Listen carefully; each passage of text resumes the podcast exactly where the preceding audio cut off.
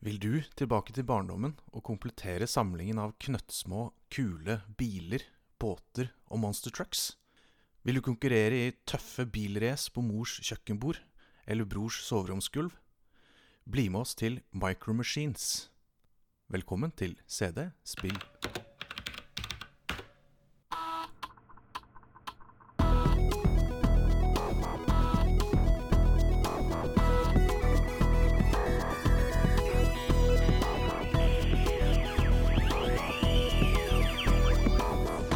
Hjertelig velkommen til episode 25 av CD-spill. 25? Det er jo nesten et slags minijubileum, er det ikke det? Det syns jeg. Vi, det er kvart, kvart hundrings. Men har vi jo eh, Vi har jo med oss en ganske kul gjest, da. Jeg Jeg Ja. tenker det er en liten jubileumsfeiring. En sånn Det- eh, Ikke papirbryllup, men du skjønner hva jeg vil fram til. Absolutt, jeg er helt enig. Det, var, det passa godt at det var 25. 25. 25. episode akkurat nå. Ehm, ja, vi kan jo introdusere oss selv først, kanskje. da Jeg er jo da Erik André, eller Mr. Mammen, som jeg stort sett går som. Og jeg heter Sigve, og jeg vet ikke hvorfor jeg er her, men jeg, jeg elsker det. Jeg koser meg helt sjukt. Det er det viktigste. Nå har vi også fått med oss en gjest som du allerede har spoila, takk for det. og han tror jeg Han er ikke på episode 25, han er på 25 millioner. For han er en eh, nordmann som har spilt inn flest podkaster, er jeg helt eh, overbevist om. Eh, Det er selvfølgelig Jostein Hakestad. Velkommen. Hallo, hallo. Gratulerer med, gratulerer med 25 episoder. Mange takk, mange takk. Eh, det er bare kjekt å være med. Kjekt, kjekt å være tilbake. Ja, Så eh, for de som ikke husker det, så var du med i Wing Commander-episoden som var uh, i, fjor, i fjor en gang. Så um, det er Ja. hyggelig at folk uh, har lyst til å komme tilbake, da. Det er jo, må jeg jo si. Dæven, det var i fjor. Ja, det var 20... Var det, det var 2020, ja. 2020, ja. Det er 21 nå. Oh my god. Er, ti, hva er tid for noe? Nei, Nei, det det. flyter bare i hverandre. Jeg vet ikke. Good lord. Ja. Jeg tenkte vi skulle begynne med eh, bitte litt Vi hadde en sånn spørreundersøkelse som, som jeg lagde på tampen av fjoråret. For um, jeg, jeg skal ikke gå gjennom alt nå, men kan ta kanskje halvparten av svarene nå halvparten neste episode eller noe sånt. Uh, For det er litt morsomme, morsomme Altså det var ikke noe jeg hadde brukt kjempelang tid på å utforme. Jeg brukte vel et kvarter på å utforme bare en tilfeldig spørsmål jeg kom på. Men uh, Og da begynte jeg med hvor mange episoder har du hørt? Um, jeg antar at de som gidder å svare på en sånn spørreundersøkelse, stort sett har hørt på mye, da, og ganske riktig så har litt under halvparten hørt alle. Og hvis du tar med de som hadde kryssa på flesteparten, så er vi snart oppe i tre fjerdedeler. Så er det jommen meg en som ikke har hørt noen som har svart på det her også, så da har vi fått eh, litt av hvert. Så jeg vet ikke helt hva vedkommende har å bidra med, men eh, det er jo hyggelig at den tok seg tid, da. Konge. Han har, se, han har sett titlene, kanskje? Ja, kanskje han har sett det på spillhistorie eller noe sånt, og så har han eh, bare basert på det funnet at ingen av episodene er for han. Eller hun. Jeg tror vi er ehm, Jeg har aldri kjørt sånne meningsmålinger sjøl, men eh, Pressfire har gjort det. Mm. Og um, jeg tror vi i hvert fall er den mest hørte podkasten blant leserne der. Og det er jo bra, da, for vi er jo podkasten på Pressfire, så det hadde vært dumt hvis vi ikke var det. Men. Ja, gratulerer med det. Men det, det er ikke så rart, da. Dere er jo vel etablert i podkastmiljøet. Det er jo Rad Crew, da, så vi sa jo ikke det. Men eh, Ja, det er en litt- du vet det. Tiårsjubileum, gratulerer med det. Jo takk. Jeg føler vi er litt for etablerte. Jeg har lyst til å shake det opp litt, men problemet med å gjøre det er at da Du har ikke lyst til å gjøre noe for crazy, for at du vil jo ta, ivareta de som har fulgt det så lenge. Mm. Så, men det er sånn, det er balansegang. Prøver å gjøre litt nye ting av og til, men Men løsningen dere gjør, er å lansere nye podkaster. så det er jo ja, som vi, som vi i mer eller mindre grad klarer å følge opp. Så Jo, jo. Um, jeg hadde et nytt spørsmål her også, som var eh, Jeg tenkte liksom å fiske litt etter hvilken segment vi kunne kutte ut, og hva som var viktig og sånn, da. Så jeg, jeg satte opp alle disse vi pleide å ha med i en sånn liste, og så kunne folk krysse enten helt unødvendig eller kjedelig, og så middels, og så et must. Ja, ingen som svarte helt unødvendig på noen ting. Altså ingen! så alle består av en kombinasjon mellom middels og et must. Så er det vanskelig å peke ut hva man skulle fokusere på, da, men det er åpen Det er egentlig ikke så veldig rart å tenke seg, men har det holdt seg, var liksom det som eh, Det bare var to som mente at det var middels, men alle andre sa det var eh, et must, da. Mm. Det ja, det, jeg jeg føler hvis du skal gjøre en podkast av denne typen med, med denne tematikken, så er det jo eh, noe av det mest relevante du kan ha, er jo å spørre om det har holdt seg. Absolutt. Og noe som var nesten like populært, da, var eh, å ha med sånn utviklingshistorie, og, som behind the scenes-ting. Og det er altså noe jeg alltid prøver å grave opp, for jeg syns det selv er interessant hvis jeg hører på noen podkaster om gamle ting, og får høre liksom hvordan det ble til, da, for det vet man kanskje ikke selv om man husker spillet. Ja, ja. Um, og så er det Ja, det er jo ingenting som er um, egentlig veldig upopulært. Men uh, tilbakemeldinger fra lyttere fra forrige episode er noen ganger at det går um, At den var nesten 50-50. Jeg kan skjønne at for en del benker seg for å høre dagens tema, ikke forrige ukes tema. Så det, men selv der var det med overvekt av de som gjerne syntes det var et must. Men uh, det var det nesten like mange som sa det var middels. Altså, denne spørreundersøkelsen her er jo Jeg skal ikke kritisere han som har lagd den, men svarene her Den høres jo nesten helt ubrukelig ut, den spørreundersøkelsen. Ja, jeg får ikke noe ut av ingen, krit ingen kritikk. Ingen, eh, vi blir ikke skjøvet i noen retning. Vi Nei. får selvtillit, Sigve, og vet at vi gjør alt riktig. Det gjør vi. Jeg tar det. Dette har vi datagrunnlag på, faktisk. ja. ja. Det er bra. Jeg tar et par spørsmål til, for jeg hadde også Bør vi snakke mer om moderne spill? Og det tenkte jeg at det Vi er jo ikke det vi holder på med, og det svaret fikk jeg akkurat sånn det var. Eh, ingen som kryssa på ja, gjerne prat om hva dere spiller for tiden. Og det hadde jeg ikke så mye planer om heller, egentlig. Eh, men så var det ja, tre fjerdedeler sa bare om det er relevant for dagens tema. Uh, og det er litt sånn der vi sier det er noe som minner om i det dag og sånne ting sikkert, som folk tenker på. Uh, og så sa en fjerdedel sa nei, hold ut i gamle dager. Mm. Og det tenker jeg så lenge man har en uh, hva skal vi si, retroinspirert podkast, eller en, en om, som handler om spill fra 90-80-tallet, så er det egentlig ganske åpenbart. Ja, for jeg tenker, jeg vil ikke spise markedsandeler av Rad Eh, Nei. som snakker om eh, moderne spill. Så vi tar vår lille nisje bak i, på 80- og 90-tallet. Flott. Vi prøver å gjenopplive den eh, retro crew som de hadde i gamle dager, kan vi jo si. Ja, vi skal nok På et eller annet tidspunkt så gjenoppliver vi den. ehm, når vi føler for det. Huff da, da sliter vi, Sigve. vi får bare kose, oss fram til det så lenge det varer.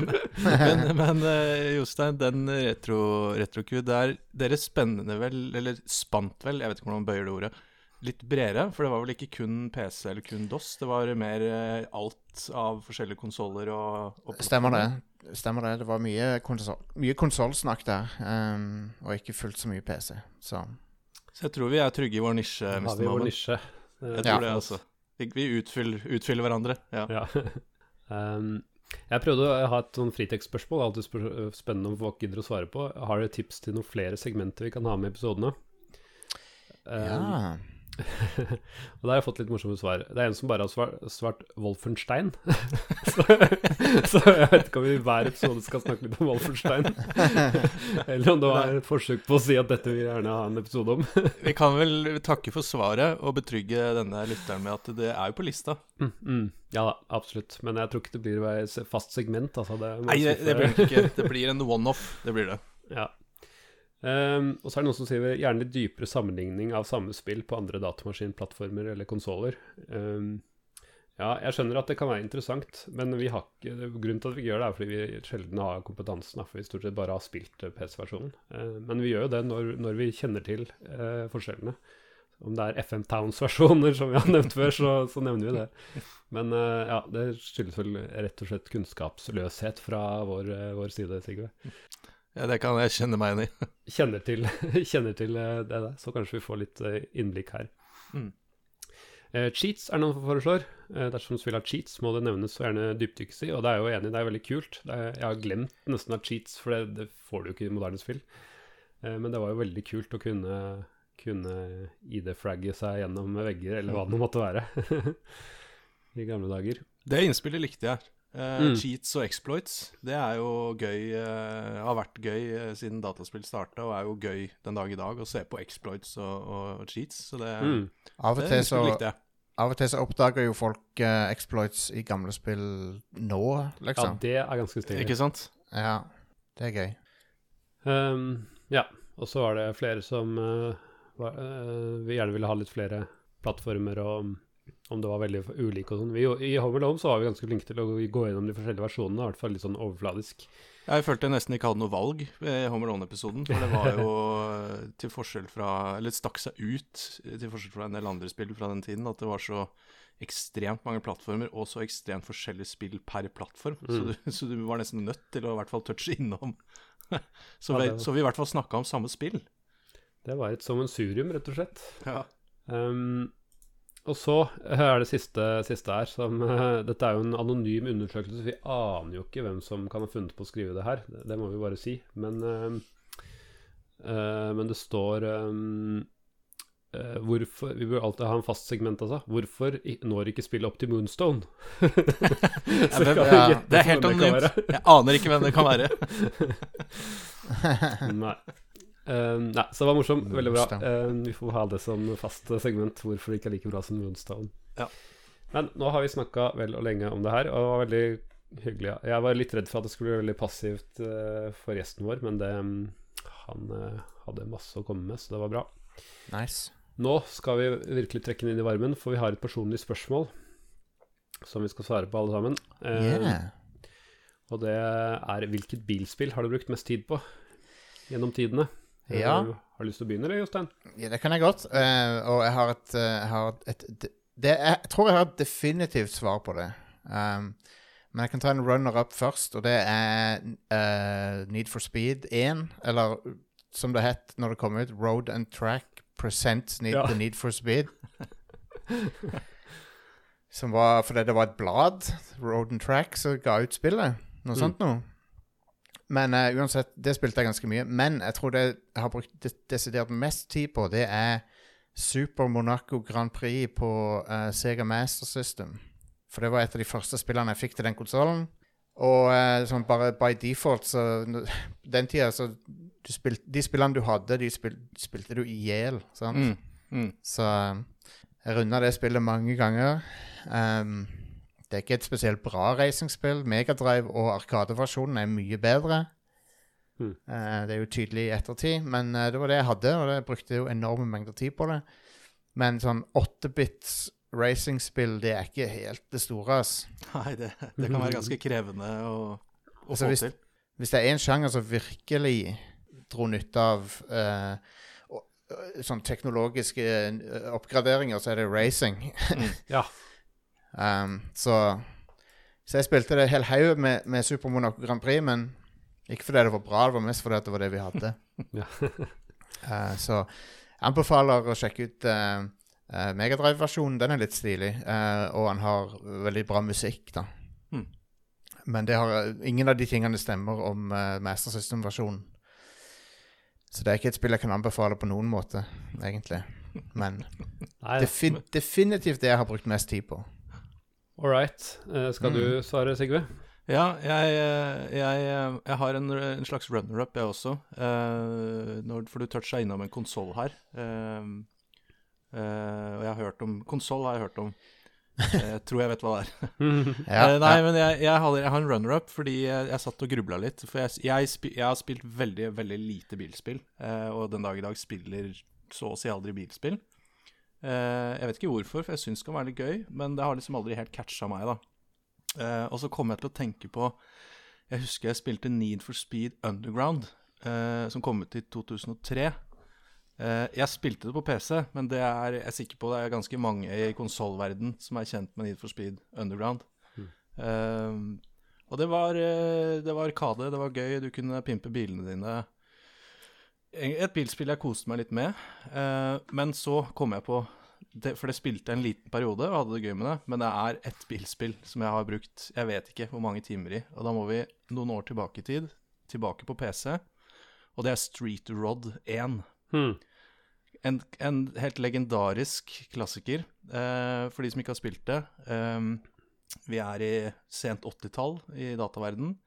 Det er, eh, skal jeg være forsiktig med å kalle det 8-bit eller 16-bit, men det er pik meget pikselbasert eh, grafikk og PC-speakermusikk. Det ser ut som EGA-fargepaletten. Ja, jeg ser på yes. det. Ikke sant? Eh, og det som gjorde dette spillet så besnærende for meg, var at kort fortalt så er du en eh, amerikansk eh, ungdom med en garasje. Eh, du kjøper deg gamle amerikanske biler. Eh, og modifiserer de og pimper de opp. Altså kjøper ny motor, kjøper nye deler. Og så kjører du drag races, og så kjører du altså long races. Og gjennom disse racene så kan du jo da vinne penger, eh, men du kan også vinne motstanderens bil.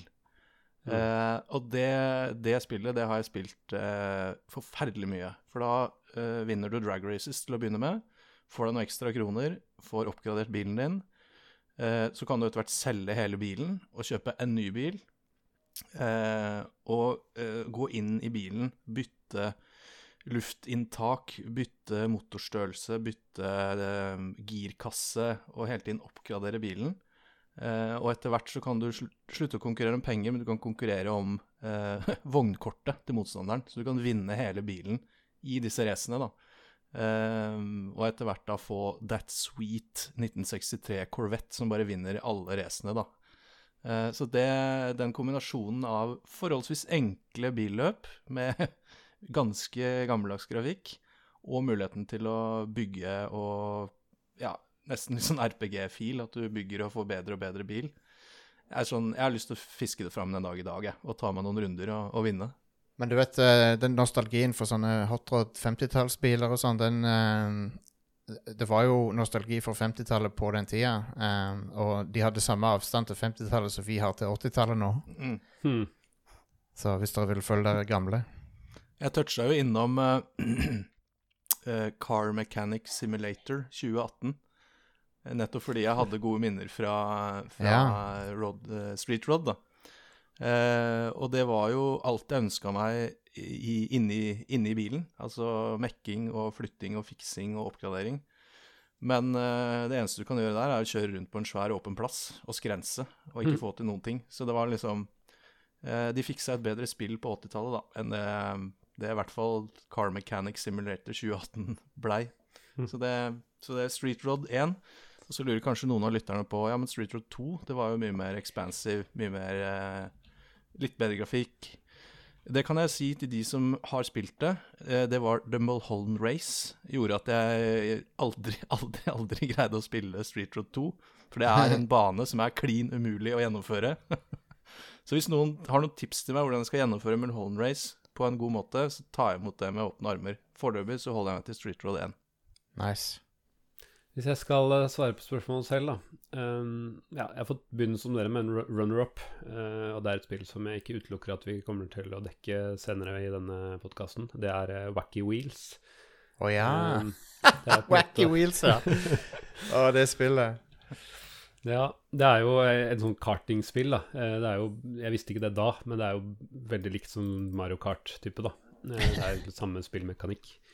Eh, Eller det er flere moduser, da, for det er både litt sånn multiplayer og skyting og litt diverse. Men eh, det er jo et kartingspill, rett og slett. Det er Apogee Software som eh, lagde et veldig artig spill som jeg spilte og spilte og spilte, og spilte Demon i hjel, og kjøpte spillet og spilte enda mer. Så det er nok en veldig god kandidat.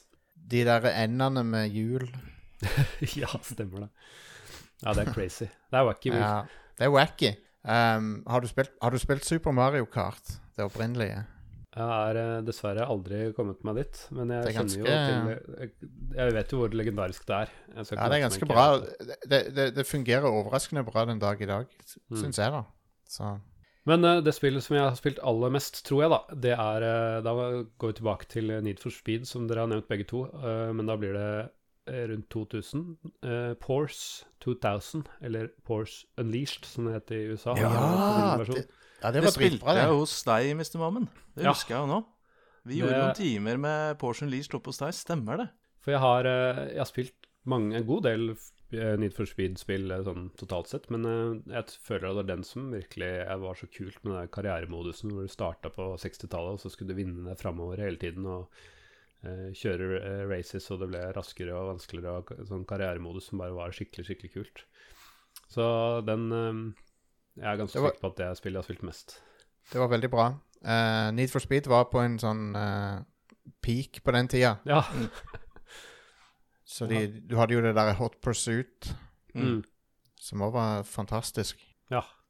Um, Det var, jeg er enig med deg. Det var, jeg husker fra treeren Eller det var jo veldig var jo revolusjonerende både eneren og toeren, men jeg husker fra treeren, det var da jeg virkelig begynte å like det godt. da Altså Ja. pika det sånn cirka Portion Leash, da jeg spilte noen, noen etter det, men ikke så veldig mange. Og så var det Det var en, det var en sånn eh, Call of Duty-style årlig serie helt fram til noen få år siden.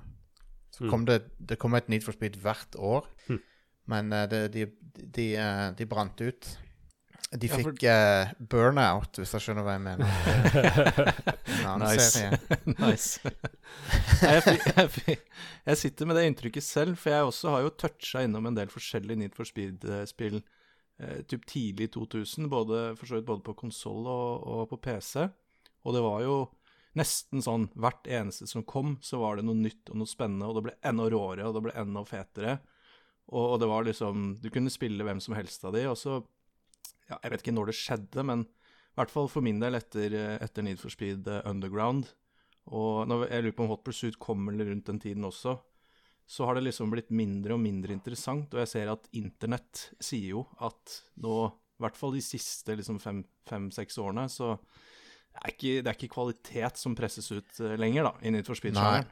Eh, Det er jo Microsoft har jo bare kjørt forbi alle Enda enda en bilpønn der. Men de har, de har jo bare eh, tatt over markedet med, med den her eh, Forza-serien sin.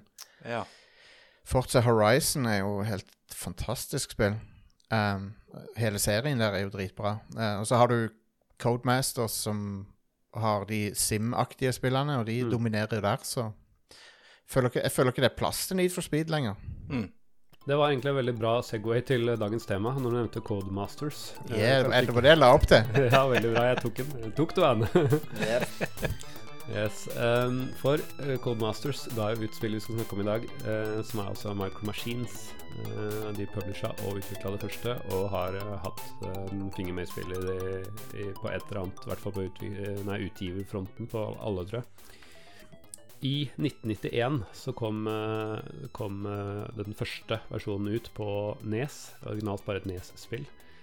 Eh, det kom ikke før i 94 eh, på DOS, da. Og det var en av de siste portene, tror jeg. Kanskje den aller siste. Så kom det på en rekke mellom det, da. Så jeg vet ikke Er det noen av dere som spilte det på Ja, Jostein, du hadde spilt det på en konsoll, hadde du ikke? det? Jo, på Megadrive. Og, på, og emulert på Megadrive også. Ja. Og det er jo et veldig Det var jo et veldig iøynefangende spill, da, for det, det Og et unikt spill, ikke minst, fordi at eh, det har den der miniatyrsettinga som var ganske original på den Mm. Jeg hadde ikke sett noe lignende. Um, og, og det var basert på en populær uh, leketøybrand, da. Ja, for det er litt Um, morsomt, for det er en leke fra Galoob, uh, som nå er Hasbro, tror jeg. Ja. Eh, og det lurer jeg på, er det noe dere Fordi dette fant jeg ut litt seinere på 90-tallet. Eh, for leketøysbutikken nærheten der jeg bodde, hadde ikke micromachines eh, i min barndom, så vidt jeg vet. Eh, var, hadde dere kjennskap til det før dere spilte spillet? Ja, for det at eh, vi hadde Vi hadde Parabol ganske tidlig, og da var det jo masse reklame for micromachines. Ah, okay. Så jeg fikk, jeg fikk det inn via det. Um, så jeg var fullt klar over det. I tillegg da så var det et program Jeg lurer på om det kan Enten så var det på TCC eller Sky One, eh, der de hadde sånn eh, tidlig e-sport, da. eh, med, med dueller i annet Street Fighter eh, og, og Micro Machines, da. Der det var liksom et, to kids som regel som konkurrerte mot hverandre Mm. i, i eh, diverse 16-bit-spill. da. Eh, og, da og da så jeg Micro Machines Det var vel der jeg så Micro Machines første, eh, spillet første gang. Og jeg bare ble helt blåst av banen. Og kult det så ut. For det Jeg vet ikke, det, det hadde bare 90-talls-kid i hjernen min. Eh, bare snakka direkte til den. eh, til, og jeg bare måtte prøve det. Så Ja, det er jo litt kult, fordi det var ikke helt uvanlig sånn vinkel å se sånn top down. Det er jo top down racingspill. Eh, Ja, ja. eh, Og at bilene ser ut som miniatyrbiler fordi det er en rallybane og sånne ting, det, det var ganske vanlig. Men å faktisk eh, at de skulle forestille noen bitte, bitte små tiny ting som, som Ja. kjørte rundt på et eh, skrivebord, det var, var noe helt nytt. Ja, det, det er det at du faktisk var micromachines i miniatyr, da. Som Mm. var Det var veldig kult. Jeg syns det var noe utrolig stilig. Um, og jeg kommer jo fra eh, en 8-bit-konsoll òg, så det var jo liksom en eh, alt, alt som var 16-bit, eh, så jo veldig imponerende ut for meg. Um, så det var òg en faktor. Mm. På at det var liksom, dette var ikke mulig å gjøre på forrige generasjon. Jeg, jeg tror du er inne på noe der, Mr. Mammen, med at du ikke kjente til, eller det var litt sånn Du så spillet først, og så lekte jeg etterpå, fordi jeg husker jo Jeg husker veldig godt fra den tiden at uh, jeg var kjent med Marker Machines fra kompiser, eh, Ja. på å si utenbys fra. Men så er det jo er det litt som med dataspill da, på den tiden at uh, i uh, Hva skal vi kalle det? Bygda vår. Mm. Så var det Det var ingen som hadde micromachines. Uh, jeg hadde ikke lyst på micromachines. Jeg hadde lyst på Turtles, uh, men det Mm. fikk jeg ikke. Men det er en annen historie. For det hadde boysa. Uh, men men ja, det er litt sånn at produkter kanskje treffer litt forskjellig, uh, håper å si i gamle dager, når ikke flyten og, og, og kommunikasjonen var helt den samme, da. Så jeg, jeg var kjent med at det var noen små biler, og at det var noen du kunne bygge baner og, og sende de og sånn, men det hadde liksom ikke truffet bygda vår, da. Så, så Nei, for vår del så var det, var det å spille det på PC. Uh, men det er jo uh, eh, Codemasters vi må, jo, vi må jo anerkjenne at de var og, de, Det er jo en av de få sånne store britiske utviklerne som ennå er aktive. Ja, det er ikke med Ja, ikke kjøpt opp av EA. De er kjøpt opp av EA. Ja, de er det, ja. ja. De ble det, de ble det i, des i desember. Eller avtalen ble signert i desember. Å ja, men da har de noen måneder igjen da med gode spill før, før ting går i do. Jeg, jeg, jeg tipper at de skal lage Need for Speed. Jeg, jeg, jeg, jeg tipper at de får i oppdrag å lage et Need for Speed-spill. Det, det er en spennende predikasjon, da. Den, eh, det kan jo faktisk bli litt spennende. Mm. Ja. Gøy, gøy om det skjer, og spennende å se hva de får til. Ja, ja. Men de har jo de har spesialisert seg på bilspill. Um, Og de er på mange måter kongene av bilspill, så Ja, for er det ikke de som har alle Formel 1-spillene som kommer årlig? Jo, jo, de har Formel 1, de har Dirt, de har uh, Grid. Mm. Så, uh, så ja, de er big deal. Um, Mm. Det er ikke mange igjen av de der uh, gode, gamle britiske. Nei, er det er bort- riktig det. Men det er ikke så veldig sammen. mange igjen av europeiske, gode gamle europeiske generelt. Nei. Nei, nei, det er ikke det. Det er trist. Men sånn er det. Men, uh, men det, det er interessant med sånn her leketøy-branding i spill, eller ikke bare leketøy, men andre sånne produkter assosiert med barn, da, sånn som uh, Var det Robe Uh, James Pond 2 hadde en sånn sjokolade som heter Penguin Bar. Stemmer det. James, god gamle James Pond, ja. Ja, der var det sånn reklame for Penguin-sjokolade som jeg, jeg innså ikke at det var reklame når jeg spilte det, for det, var ikke noe som fantes på det norske markedet. Mm. Men uansett, Code, uh, Codemasters uh, og, um, og Micro Machines var et, uh, var, virket som å være en veldig god match, da. Mm. Um, og Micro Machines var uh, hot shit på den tida. Ja, og anmelderne av spillene var vel også enig. De fikk jo ekstremt gode anmeldelser for Ja. Machines-spillene. At det var gjennomgående spillbart, gøy, eh, passa brandet i det hele tatt. Så, Mm. så de traff jo Tydeligvis så traff de ganske godt, og mine minner fra Micro Machines 1, da, som er det jeg har spilt, er jo at eh, det var, eh, det var drop-in underholdning. Det var liksom bare gøy med en gang. Eh, tidvis litt vanskelig, men du lærte banene, du lærte de forskjellige bilene. Eh, så det, det var rett og slett eh, Det var god reklame. Men jeg har fortsatt ikke eid en eneste Micro Machines-bil, da.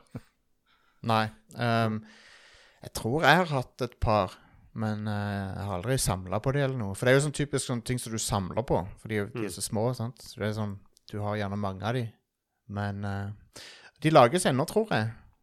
Ja, det vil ikke forundre meg. Jeg, igjen, jeg tror ikke det er noe stort på det norske markedet. Det er i hvert fall ikke ikke noe jeg har sett så mye til. Eh, det, er mulig at, det er mulig at de har hatt en pause. Ja, stemmer. Så Micro Machines har vært i salg fra 87 til 2008. Ja, okay. Så hadde, så hadde de pause fra 20, fram til 2015, uh, og så hadde de et par år der. Og så hadde de pause fra 2016 til 2020, og nå lager de det igjen. Ja, ok. Ja, Jeg tenker jo sånne små, eh, kule biler som man kan samle på. Det er, det er ganske tidløst. Ja, jeg føler jo at det må være noe så sjeldent uh, blir gammelt. Um, Ja. Og så um, uh, ble det jo også popularisert av Dere nevnte jo Home Alone tidligere, men det er jo Micromachines i Home Alone-filmen. Det er jo noe av de Er ikke det nesten første fella han tråkker på? Jo, han plasserer ut Micro Machines på gulvet. Men jeg, jeg, jeg vil jo tro at uh, den eh, cameoen i Home Alone betydde mye for salget til Micro Machines. Ja, jeg tenker jo det at apropos reklame, der er det noen eh, Det, det kan virke litt tilfeldig når man ser filmen som en kid, men uh, kan tenke seg at noen var inne der og, med noen veldig gode råd på, på storyen, for å si det sånn. Ja, jeg er jeg er ganske sikker på at du ser logoen ganske tydelig òg. Så det er mulig det er en sånn produktplassering. Det kan tenkes. Men, eh, men ja, det opprinnelige spillet det spilte jeg på Sega Megadrive, men det er jo gitt ut på en hel haug med ting. Ja, og jeg leste at det var litt forskjellig fysikk på, på de forskjellige versjonene òg, spesielt om hvor, yeah. hvor mye de skrensa litt sånne ting. Ja, folk er, folk er, bortskjemt, folk er veldig bortskjemt nå om dagen med porter av spill, for det, nå, er de, nå får du stort sett en uniform opplevelse. Men eh, på den tida så var det en gamble. Det var sånn 100% kasino om du fikk en bra versjon av spillet eller ikke. Mm. Mhm. Ja, for en av de tingene jeg husker best fra Micro Machines, var jo uh, fysikken. Uh, og nettopp den skrensingen, driftinga. At Mm. det var en helt ny opplevelse for meg. At det var ikke bare skarp høyre, venstre, men, men du drifta i svingene. Og du kunne Yes. liksom Du kunne faktisk planlegge litt i svingene og, og jobbe med mer enn bare rett frem og rett bak fysikk. Ja, da. og det er jo uh, I så måte så er det jo en betydelig uh, upgrade fra uh, det spillet som du kanskje ligner mest på, som er Rare sitt RC Pro-Am på Nes. Ja. Som er, det er òg miniatyr-racing, men det styringa der er helt forferdelig, syns jeg. Så det, mens Micro Machines styrer jo ganske bra. Ja, og så kom det sånne søte Det husker jeg også veldig godt. Det kom sånne søte støvbobler eh, bak bilen når du Yep. drifta godt nok. Ja. Ja, ja, ja. Det er rart hva man husker, men det husker jeg veldig godt. De der boblene som da åpenbart var støv, da, når du drifta Yep. i svingene. ja. Men hvis vi går litt til, til selve spillet, da. Um, det var jo bi Hver bane hadde sin egen Eller banesett hadde sine egne biler. Eh, eller det var ikke bare biler, eller det var kjøretøy generelt. Er det noen som har noen minneverdige baner eller biler som eh, dere vil trekke fram? Ja, Min, min første, mitt første minne Jeg har jo tatt meg en tur innom Jeg har gjort min research og gjort, sett på litt Let's Plays og sånn, men før jeg gjorde det, så husker jeg jo én bane veldig godt, og det var jo kjøkkenbordbanen. Mm. eh, hvor du Jeg tror du kjørte jeep på den banen. Eh, og det var da et kjøkkenbord med eh, rutete blå og hvitrutete duk. Og banen var markert med Fruit Loops mm. som banemarkering. Og så lå det da Det er jo en av de enklere banene, det er vel en av de første, tror jeg. Eh, så har du hinder, da, som er dråper med honning, eh, appelsiner. Dette er jo satt i USA, antar jeg, eh, så det er jo vafler ja. eh, som en del av eh, designet på banen, da. Så vi skal jo tilbake til, ja, på en måte 91, men for min del 94. At, et, utrolig troverdig scenario, da. At du får faktisk litt immersion i et ganske Mm. enkelt spill. Hvor du da kjører du- disse små bilene på et kjøkkenbord. Og og når du er på, på kanten av bordet, så, så ser du at eh, bakken scroller i en annen hastighet enn bordet Ikke sant? Ikke Så du får? Så sånn du dyp- skjønner at du må passe, passe deg, så ikke du går utfor kanten. Mm. Eh, for da er jo snilt sånn sett. Da forsvinner du, og så har du et sekunds timeout, og så slippes du inn igjen, da. Så det, det var jo snilt sånn sett, da. Det er verdt å nevne at på Jeg vet ikke hvordan det er på PC. Det kommer vel an på kanskje hva slags PC du hadde, men eh, på konsoll så, så går det faktisk i 60 bilder i sekundet. Så det er veldig sånn smooth eh, opplevelse. Wow.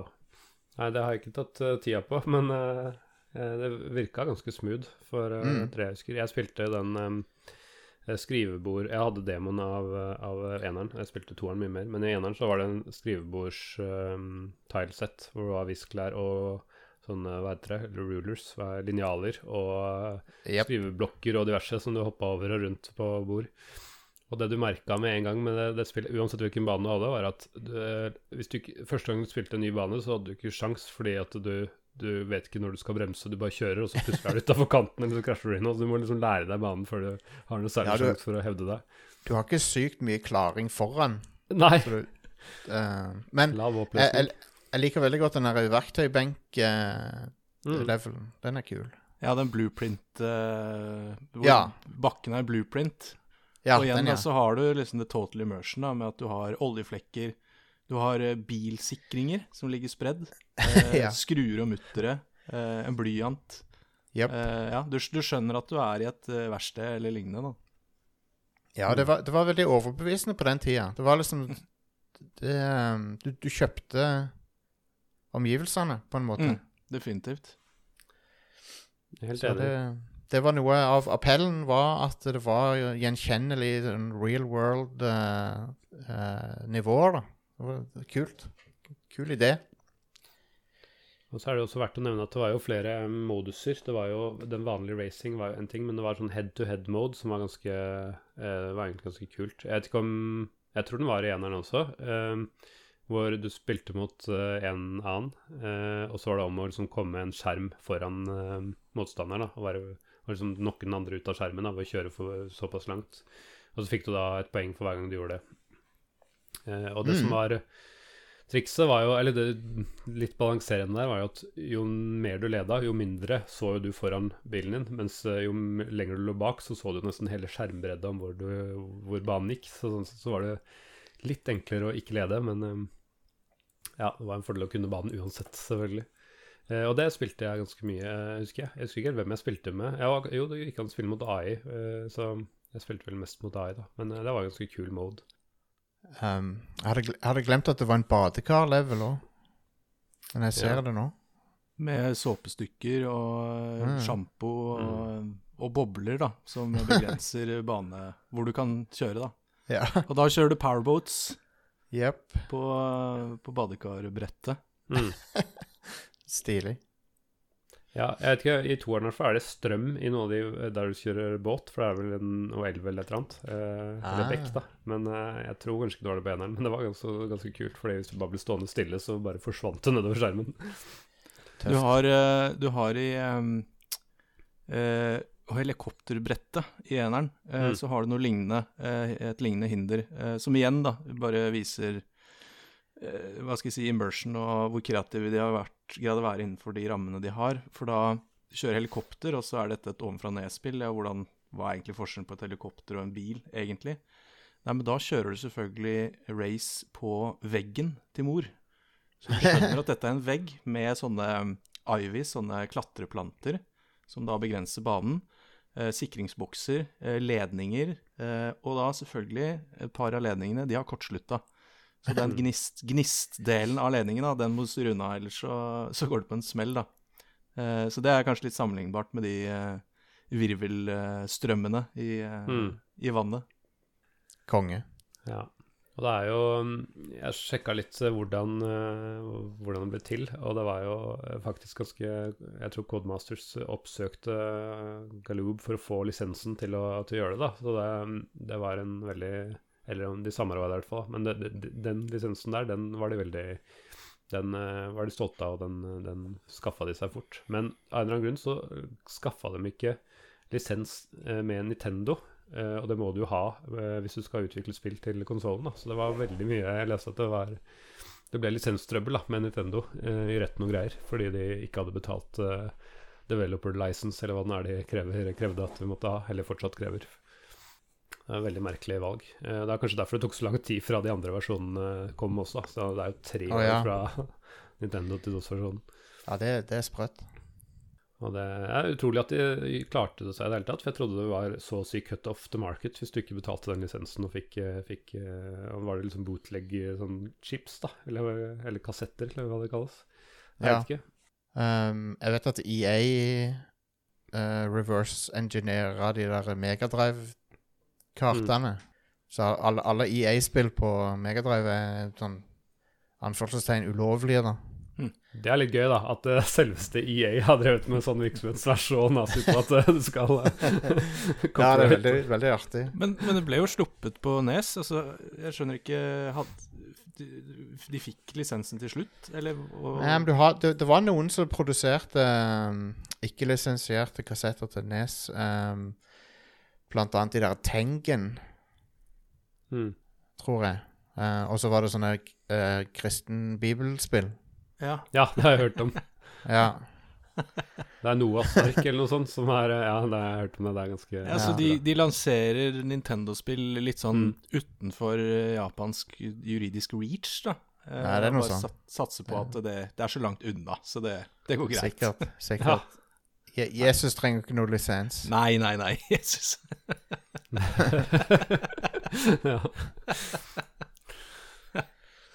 Nei, så det er litt merkelig at de, at de valgte sånn. Men det ble nå uansett en suksess, da. Så det funka jo på et vis. Ja, altså Mark Machines, da. Ikke, ikke Noahs Ja, ark. det var det Micromachines jeg hoppa rett tilbake til. For, for ordens skyld. Spillhistorie har for øvrig en veldig interessant historie om den Noahs ark-saken. Jeg skal dele den i shownotes. så- For den, eh, ja, det er en fantastisk historie om hvordan den eh, kom til. hvordan... eh, For den ble jo veldig tatt imot Selv om Nintendo prøvde å backe ned, da, så var det veldig mye sånn kristne bokhandlere og sånn som veldig gjerne ville ha den. Så, så den uh, klarte å for it reach, selv om Nintendo prøvde å spenne beina på dem. Så nei, jeg skal dele den artikkelen. Eh, er det noen som har noe forhold til noen av de der karakterene som var med der? Um, Jeg jo, så jo, litt, jeg så jo litt på de, de nå Det er jo et, et vell av forskjellige karakterer som du Mm. kan velge å spille som. mm, Um, uten at jeg, eh, med min begrensede kjennskap til Micro Machines, husker at det handlet om mennesker i det hele tatt. Så, så det jeg liksom lurte litt på Jeg prøvde å gjøre noen sånn småsøk, da, men eh, med, med venstre hånd og litt sånn far, fort over med harelabb. Mm. Er det noe law? Finnes det noe law her? For det er jo disse menneskene, hvor kommer de fra? Har de noe Det er jo ikke noe forskjell på dem, eller er det det? Jeg vet ikke. Jeg tror det er bare sånne avatarer, egentlig. ja, Jeg jeg, får litt det det inntrykket. Og jeg, jeg, men jeg er veldig spent på liksom Det var kanskje ikke law alltid nødvendig i dataspill fra den tiden, men, eh, Men jeg, jeg legger jo merke til at det er veldig stor uh, uh, sånn mang stort mangfold, da. Ja, veldig. Så det, så det er jo kult. Du har jo Spider som har eh, skinnvest og, eller skinnjakke og Elvis-sveis og eh, han er sideburns og det som er. Tøff type. Og så Ja, det ja. litt mer nerdete folk og jenter og gutter og ja. Ja, nei, det, det er kult. Kule, kule characters. Ja, Ja, det er absolutt. kule animert, eller kult tegna. Eh, Ja. i, eh, kom vel først i toeren, men eh, i toeren kom en som het Harvey, som var en eh, mann med, eller gutt, eh, ungdom, med langt hår og lue. Og når jeg spilte, spilte sammen med pappa, så valgte han alltid han. Av en eller annen grunn jeg ikke helt skjønte, da. Men eh, jeg tror, som har i ettertid skjønt at jeg tror han så ganske sånn ut på når han gikk på ungdomsskolen. At det var en sånn uh, egenavatar der. ja, jo, men det er som du er inne på, Jostein, med representation, altså diversity, at uh, her kan alle finne en de kan Ja. identifisere seg litt med, da, om det er uh, en som kommer fra et helt annet land, verdensdel, eller en som har langt hår og lue da han var uh, Mm. adskillig yngre. Ja, men det er bra, det. Mm, ja, absolutt. Jeg liker at det er litt forskjellig. Jeg tror Smart, smart valg. tror det er sånn at det, det styrer hastigheten på bilene. At du er litt raskere med uh, At de er rangert, da. Uh, og det er jo ikke nødvendigvis uh, Hvis ikke du er kjempebra, så er det ikke nødvendigvis fordel av den aller raskeste bilen, for det kan bli veldig vanskelig. Men eh, eh, når du mestrer det, så er det vel fordel å være den raskeste. Jeg tenkte å snakke litt om Micro Machines 2 Turbo Tournament, som var den jeg virkelig spilte mest. Den kom jo i bare bare det kjapt her november 1994 til Sega Mega Drive. Eh, jeg hadde jo DOS som kom i 95 på sommeren. ja. så de kom litt tettere. Uh, og den uh, Ja, det, de har fått litt Det ble godt mottatt, men det som folk har kritisert for, den er for at den er litt for lik um, eneren. Eh, eller at det er i hvert fall det samme spillet, da. Det er helt gjenkjennelig. Ehm, jeg vet ikke Det er nye baner, men det er en del av de samme tilesettene. Um, Ja. og eh, ja, jeg syns ehm, Det er litt mer elementer på banene, kanskje. da Det er eh, sånn Du kjører på sånn bord hvor at, eh, det kan dette ned sånne cork eh, sånn, eh, ja, kan bli hull, oppstå huller fordi du kjører over det. Litt sånne, sånne ting som er litt kult. Men Sitter Ja. og ser på en bane nå hvor du er på et uh, middagsbord. ja, det er sånne erter som uh, viser uh, vei. Ja. Og så kjører du over maiskolber. Ja, stemmer det. Ja, vet du hva? De roterer. Det var sykt Ja. vanskelig, for de roterer de maiskolbene mens du kjører på så du må, må svinge for ikke dette ned. Konge. Ja, Det er nesten glemt. Og så hadde de noen nye moduser òg. Um, så tror jeg du kunne spille opp til fire i de alle multiplayer-modene. Jeg tror det bare var to på NM. Um, og så hadde de uh, De hadde sånn partyplay, hvor det kunne være lag, lag, husker jeg. Og en sånn ordentlig tournament mode, hvor du liksom kunne ha Jeg skulle komme opp til 8 eller opp til 16, da, som uh, kunne spille noen hot seat uh, og ha en ordentlig knockout. Som, som var gøy. Jeg tror aldri jeg var så mange at jeg, at jeg fikk prøvd det. Men eh, det, er, altså, det er jo helt klart et multiplayer-vennlig spill. Altså, det er kult at det legger støtte for, eh, for, det, Mm. hvis man eh, ønsker det. Ja, jeg husker ikke Jo, det var jo båter, båter og helikopter og sånn her også. Eh, jeg tror det var noen sånn mer armed vehicles. Jeg vet ikke om du Jo, du kunne skyte, tror jeg du kunne på toeren. Ja, på altså I er- eneren, eneren så har du jo stridsvogner som Ja, skyter. Mm. Eh, hvor du da mm, skyter eh, ja, rett fram, da, så du må Mm. styre og prøve å treffe. Og det er ikke veldig lang rekkevidde. Så er det ikke mer dramatisk enn den du skyter. Han eksploderer, og så får han en timeout på ett sekund, to sekunder, og så dukker han opp igjen. Men det er klart, hvis ikke du spiller helt riktig der, så kan jo det ødelegge et, Ja. et tight race, det. Yes. Det, ehm, det var et, uh, det var et spin-off-spill som heter for Micro Machines Military.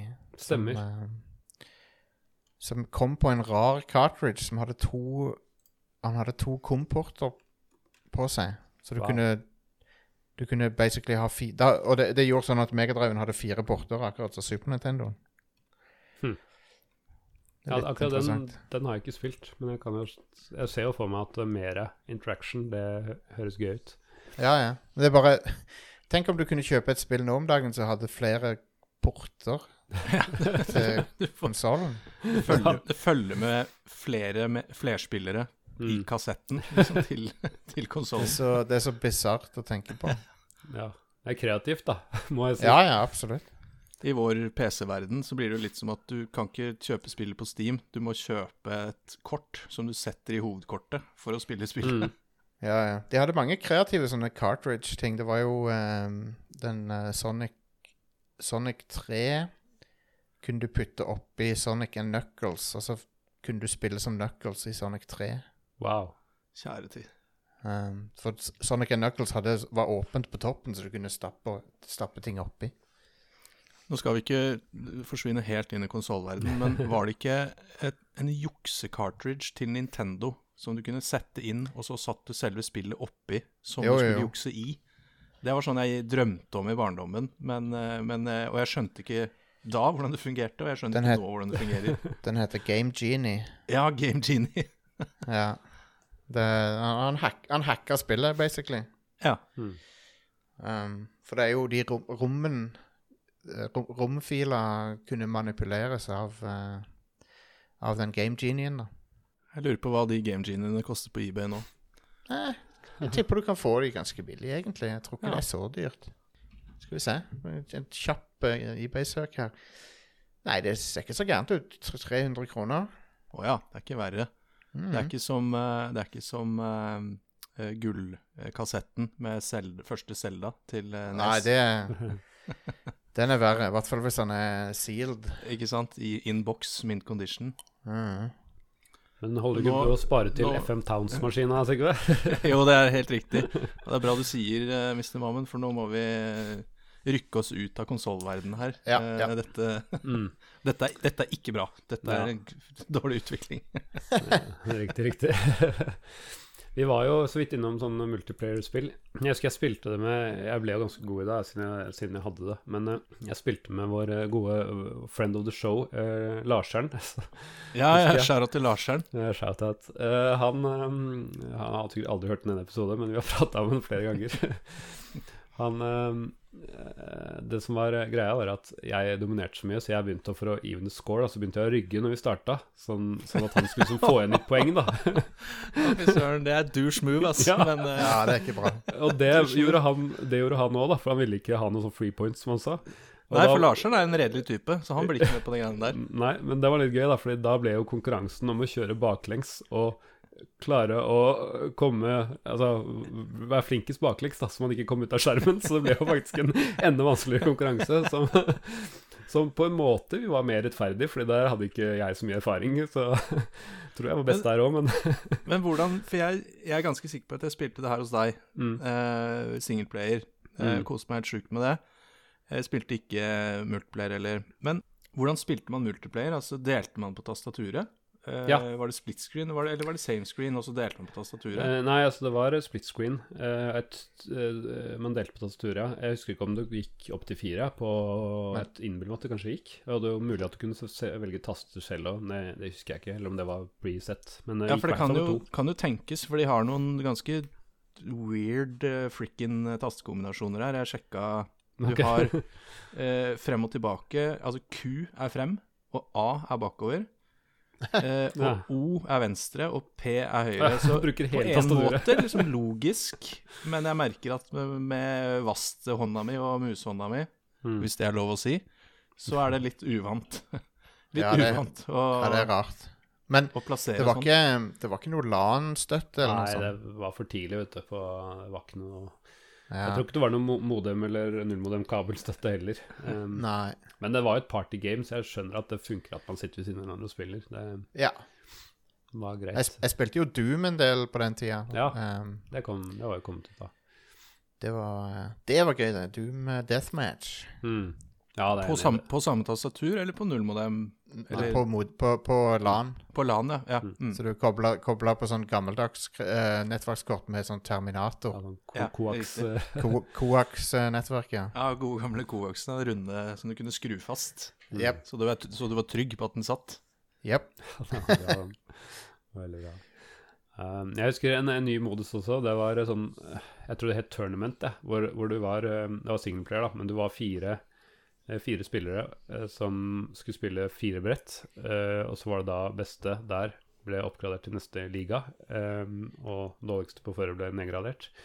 Ja. Og det var jo opp til Jeg tror det var fire, ja, om det var fire eller enda flere.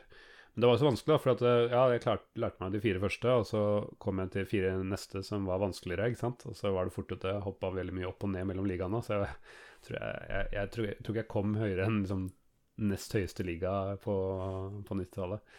Jeg har spilt igjen seinere, og da, da gikk jeg inn for å virkelig ta seieren. Altså, jeg fikk det til til slutt, men eh, men eh, det var egentlig en ganske kul ting, for da, da måtte du samle opp poeng. ikke sant? Fire, fire races. Måtte du, du trengte ikke å vinne alle, men du trengte liksom å ha bedre enn en han som stort sett alltid vant. Så du måtte i hvert fall vinne to, da, eh, hvis ikke du klarte å sabotere for han beste. Det var en ganske kul, eh, kul sak. Så det var sikkert derfor jeg lærte meg å bli bedre enn Larseren. Og PC-versjonen hadde også en sånn track editor på toeren. Eh, som gjorde det jo ganske mye mer kult eh, i teorien, Ja. fordi man kunne være ganske kreativ. Jeg var ikke kjempekreativ, så jeg tror ikke jeg lagde de beste bretta, men eh, jeg syns det var kult å kunne designe noe.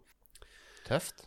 Ja, det var kult. Men eh, du hadde ikke de samme, fullt de samme egenskapene som de innebygde brettene. For du hadde blant Nei. annet eh, du, du var veldig sånn square-based, da, og sånn, eh, som gir mening. Eh, mens de innebygde brettene hadde annet en doring som var helt forferdelig bane. For du hadde en dritrask eh, bil som bare skulle pile rundt. da Og på en doring så er det veldig smalt, da så raske biler og veldig smalt felt. Det var sånn Det ble sisteplass hver gang jeg spilte det brettet der. ja, så det er, en, det er en track Du må til, eh, du må til toeren for å få en track editor-mode. Ja.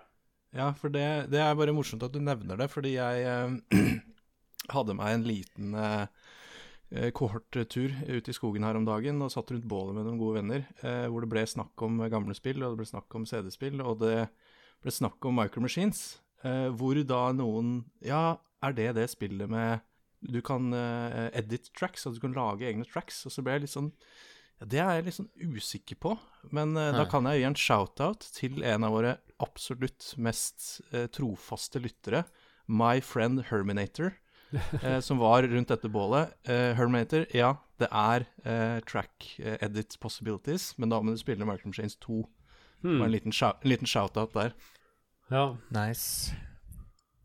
Hvor mange har det kommet, egentlig? Sånn Um, totalt?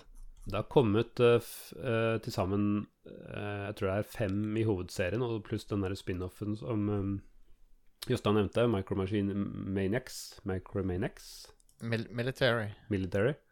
Ja, så er det noe som heter Micromaniacs, som er en spin-off til PlayStation i 2000. Ja.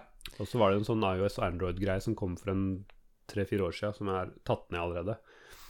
Ja, så, så bra gikk den, ja. ja, jeg syns faktisk det var ganske kult, men um, selv om hun brukte veldig de der skitne triksene med, med betale Ja, for å ha mer Pay, pay experience to og win og lootboxer og Ja, sånn, sånn EA-ting.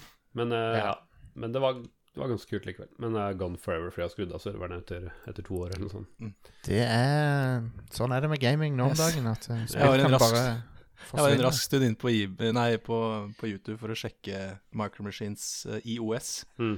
Og eh, på en, eh, åpner en Let's Play. Det første som møter meg, det er EA. Ja. Jeg bare, jeg bare nevner det. Nei, EA. Ja, jeg kan nevne Jeg, jeg lånte bort eh, Micro Machines 2 til en sånn venn av familien som hun traff sånn en gang i kvartalet noe sånt, bodde et stykke unna. Um, og så klarte han å rote bort CD-en, da. Jeg skulle ha den tilbake neste gang jeg var der. Og da ble jo mor, eh, mor i Hustad litt forstyrra, da. Så jeg fikk jo en 500-lapp til å kjøpe meg det, dette på nytt da når jeg var der. og antar at hun tok og knuste den, eh, den eh, sparegrisen litt senere etter jeg hadde dratt for å ta, igjen, men eh, Men jeg fikk nå i hvert fall penger til å kjøpe en ny, da. Og da hadde akkurat treeren kommet ut. V3, het den Micro V3. Eh, Så da fikk jeg mulighet til å prøve det òg. Og det er egentlig tredje 3D-versjonen av akkurat det samme konseptet. Ser ikke sånn superbra ut i dag, sånn som 3D-spill fra slutten av 90-tallet ikke pleier, pleier å gjøre. Men eh, det var sånn passe gøy, og de begynte å introdusere sånne power-ups, som har blitt en um, mer og mer vanlig. da, At du kan sabotere for, kan legge ut uh, Ja, kan gå tilbake til Wacky Wheel, som vi snakka om. At du kan, kan skyte litt, og du kan uh, sabotere litt, og du kan uh, cheate litt, og litt eh, Litt mer interaksjon, da, som er egentlig veldig, veldig nyttig Eller veldig sånn veldig velkommen endring, da. For eh, det er jo det som er gøy, å gjøre ha litt Ikke bare være flinkest til å kjenne banen best, men faktisk eh, kunne tøyse litt med hverandre. Det er et partyspill sånn sett. Og um, det kom noe som V4 noen år senere. Den har jeg bare så vidt sett på. Og så ganske nylig så kom The World Series, kom for en to-tre år siden. som som skulle tro var skikkelig, skikkelig kult. Men jeg, jeg kjøpte det. Tror jeg spilte det i kanskje så mye som en halvtime. Og det var Jeg klarer ikke å sette fingeren på hva det er, men det var ikke gøy i det hele tatt. Eh, mulig at det bare er multiplayer only, at det er en av grunnene. Men eh, nei, jeg vet ikke. Jeg bare ble lei med en gang. Eh, Mm. Likte innpakninga. Det så, så ikke så verst ut, men eh, det var ikke gøy å spille. Så da hopper jeg heller tilbake til Micro Machines 2, hvis jeg først skal spille Micro Machines igjen. Det kan jo, kan jo tenkes at det har skjedd en del med bredden i tilbudet av spill de Mm. siste 30 årene, som gjør at uh, da Micro Machines 1 og 2 kom, så var det uh, Kall det unikt og litt grensesprengende. Mm. Men uh, det har gått eh, Vi har spilt en del spill siden da. Ja. Så når de prøver med seg med en eh, relansering av konseptet, med, med litt mer fancy grafikk og litt mer Så du har en del andre spill, da, tross alt, som har kommet til, som kanskje er morsommere. Ja. Jeg ser, eh, ser den, men eh, jeg føler ikke at det bare er konseptet som er dårlig. Jeg føler at det er, de kunne lagd et bedre Max Machines-spill i dag. De kunne ikke Ja. vært late, mm. rett og slett. Det kan jeg se for meg kan jo være en, en del av greia. Absolutt. Mm. Er det mm, noen av dere som har noen flere anekdoter eller noe morsomt å snakke om før vi Uh, nei. Den ene anekdoten jeg hadde, var at eh, det der TV-programmet der jeg så folk spille det mot hverandre, som jeg ikke kan huske navnet på Ja, stemmer. Um, så var det et uh, Jo, men det, det er et annet program jeg husker. Det har, jeg må bare spore litt. Det har ikke noe med Micro Machines å gjøre. Men det, for det, det ligger det episoder av på YouTube. Uh, jeg anbefaler å sjekke det ut. Det heter Cybernet. Eh, det, er- det et program fra 90-tallet fra britisk TV som eh, tar for seg gamingnyheter. Eh, og det, er så kult å gå tilbake til og se. Det er dritmorsomt. Hvis du skal så- se på datating fra 90-tallet, så har du jo Spider i Norge òg. Absolutt. Spider har jo Det er jo en uh, uslåelig bra serie. Fantastisk. Men, men altså, du kan, vi kan gjøre narr av Spider, for det er jo veldig lett å gjøre narr av det, for det er jo et latterlig program. Men det var veldig forut for sin tid. Ekstremt. Ja, fy søren. Jeg så det Eh. aldri back in the day, jeg, men eh, jeg, husker at det ble snakka om, og jeg har jo fått med meg i ettertid hva, det, hva som er greia. Ja, ja, ja. Og det er jo eh, Men de hadde jo chat og sånn. Og så, Mm. det, er jo, det er jo akkurat som en moderne Twitch-stream. Ja. Gikk det her på NRK, liksom? Ja, det Ja, var NRK2 ja. når de lanserte det, skulle de ha noe hypt og ungt for, for yngre det, publikum. er det. Spider med Y, eller er det Spider med I? Uh, det er Spyder eller med I. Det er med I. For det det? her må jo, dette må jo Jeg tenker både jeg og våre lyttere skal, skal få lov å oppleve det her. Ja. Nei, det er legendarisk. Det er mye klipp av det, og det er mye Det var jo sånn at man eh, leste opp live eh, sånne Nei, ja, e-poster som kom inn og spilte av Trykka på linker live og sånn, og du kan tenke deg at det hadde funka i dag. Det hadde blitt trolla så hardt, da. Eh, er bare, måtte bare ta det av skjermen med en gang. Jeg tror det var litt trolling. Jo noe mye mindre skala, selvfølgelig. Ja. Jeg tror jeg leste noe om at eh, det var noen som var så lure nok til Etter hvert som de skjønte at det var farlig, så begynte han å åpne lenkene på forhånd for å sjekke at de var safe. Eh, og da var det selvfølgelig noen som redirecta den rett ved sendestart, sånn at det fortsatt var uh, Leda til et eller annet unsafe sted, da. Fantastisk. Yes, Nei, skal vi hoppe tilbake til, eh, til eh, Micro Machines? Det skal vi. Skal vi prøve å, falle, å få en dom som, eh, siden det er den mest populære delen av podkasten vår, er 'Har det holdt seg i dag'? Jeg kan Eh, komme med mitt ambivalente svar med en gang. ja, hør Eh, ambivalensen din. Jeg har jo ikke Det sier vel sitt at jeg har ikke Jeg prøvde litt å finne en spillbar versjon, men det inkluderte både litt tech savviness og litt piracy. Mm. Så det, dit kom jeg ikke helt. Så jeg har sett Let's Plays. Jeg eh, vil påstå at eneren og toeren har holdt seg. Det er morsomt å spille i dag. Eh, samtidig som jeg har ikke sett noen gode alternativer i dag. Eh, så jeg for, for the nostalgia, så prøv det, og kos deg litt med å spille litt. Det vil jeg si. Um, så jeg, jeg vil si at det, det er sikkert good for et par sånne nostalgi-sessions, men um, i, i, stor, i det store og det hele vil jeg si at det ikke har holdt seg. Mm. Uh, for det fins alternativer til Det, det fins moderne multiplayer-spill som jeg mye heller vil spille. Mm. Mm. Så Men, men det går an å anerkjenne uh, liksom at det var en big deal på den tida. Så det gjør jeg. Absolutt, det er det ingen, uh, ingen tvil om. Eh, ja, jeg vet ikke. Jeg um, syns vel at toeren er den beste versjonen, siden den er så alt eneren er pluss litt til. Um, så hvis du skal prøve noen, og før du begynte med 3D, så hvis du skal prøve noen, så tenker jeg toeren er den beste. Men ja, jeg vil si at den har holdt seg da, midt, midt på treet, egentlig. Det er, eh, det, det er for vanskelig og for frustrerende. Um, så for, for nostalgiens skyld, gjerne spille. Hvis du aldri har vært borti det før, jeg har vanskelig for å tro at eh, ja, det må være en sånn multiplay-mode, da, hvis man skal, hvis man skal prøve å ha det litt sånn partystemning i så fall. Eh, hvor begge to er på samme nivå, ikke sånn Larsen Mamen-nivå, men Men noe sånt. Eh, det kan funke. Men eh, jeg er nok enig med, med Jostein at det finnes nok morsommere både bilspill og, og spill generelt som, eh, Mm. som funker i dag. Men eh, ja, jeg syns det var litt gøy med et gjensyn fordi jeg har mye nostalgi. Eh, men jeg Ja, det er jo det. Syns jo det er vanskelig. Men um, ja, nostalgi har jo mye å si, selvfølgelig. Så ja, hvis du har veldig varme følelser for det, i, test det ut. Det er min Mm. eh, påstand. Mm. Og så ser jeg det har kommet på et nytt poeng på lista her. Hvorfor når du ikke opp til Moonstone? Moonstone, Nei, ja. det får vi Er det, er det noe spill som når om til Moonstone? Nei, det, det er- er vel det beste svaret vi kan gi på det, kanskje? Var det, var det på Amiga, det? Eh, det Hva var det til, til DOS også, men det er vår Amiga, en av Amiga-lytterne våre, eh, Torbjørn Prøys Skau, som har vært gjest her, som eh, eh, snakker om Moonstone så ofte han kan, så det har blitt en sånn running gag på showet her.